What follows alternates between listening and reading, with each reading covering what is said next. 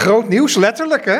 Ja, dat klopt. Uh, een belangrijke stap. We hebben een intentieovereenkomst afgesloten als college uh, om te komen tot herontwikkeling van de, de stationspleinflat. Ook wel de Berlijnse muur genoemd in de volksmond. Ja, die, die, die, aan de voorkant is hij rood en aan de achterkant heeft hij van allerlei kleurtjes, geloof ik. Klopt, en het is een, eh, het is een grote flat, hè. staat er ook al heel lang, gebouwd in de jaren 50, 60 en de jaren 60 opgeleverd. Het is een verouderde flat en vormt een grote barrièrewerking tussen enerzijds de historische binnenstad, ons centraal station en aan de achterkant van het centraal station het uh, Bioscience Park.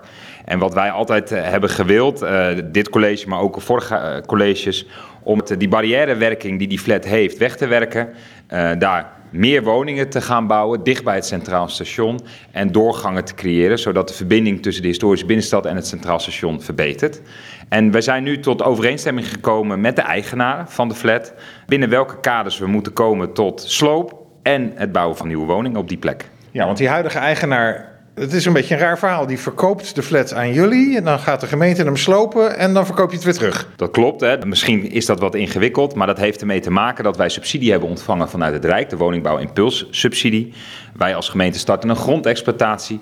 Dat betekent dat we voor die eh, tekorten die er zijn. Want het is heel duur om iets te slopen en opnieuw te ontwikkelen. Betekent dat wij geld vanuit het Rijk krijgen. En daarvoor kiezen we voor deze constructie. Zodat wij niet één op één een zak geld naar een ontwikkelaar hoeven te overhandigen. Maar ja, dat geld uh, verwerken. Dus dat is op een meer zuivere manier om dat te doen, zeg maar. Dan het belangrijkste, wat komt er voor terug? Ja, dat is heel belangrijk. Er komen op die plek 420 woningen terug, is, uh, is het idee. En in de plint winkels, die zitten er nu ook al. Hè? Dus het idee is om daar ja, die flat naar beneden te halen. Met vier losse gebouwen te werken. Zodat er doorgangen, fietspaden, looppaden uh, tussen die gebouwen doorkomen. En dus 420 woningen. En dat is ook wel heel erg hard nodig. Omdat ja, we kennen in Leiden natuurlijk allemaal de woningnood. En er zijn heel veel mensen die in deze stad willen wonen. En dit is ook echt een plek, hebben we gezegd, heeft de gemeenteraad ook gezegd, rondom het station om veel woningen toe te voegen. En gaat dat er dan uh, grosso modo hetzelfde uitzien als die andere nieuwbouw bij het station? Dus een, een gebouw met een toren erop? Ja, dus een sokkel met een toren daarbovenop. Maar het is wel zo, dit is een intentieovereenkomst. Hè, dus dit zijn de kaders. Dat betekent dat we aankomend jaar verder zullen gaan uitwerken. Uh, richting een samenwerkingsovereenkomst, richting een beeldkwaliteitsplan zoals dat dan heet. Dus die kaders gaan we steeds verder specificeren en verder uitwerken. Gaat de gemeenteraad ook nog een beslissing overnemen. Gaan we ook nog over participeren met de buurt. Dus naarmate de tijd vordert, worden die plannen steeds concreter.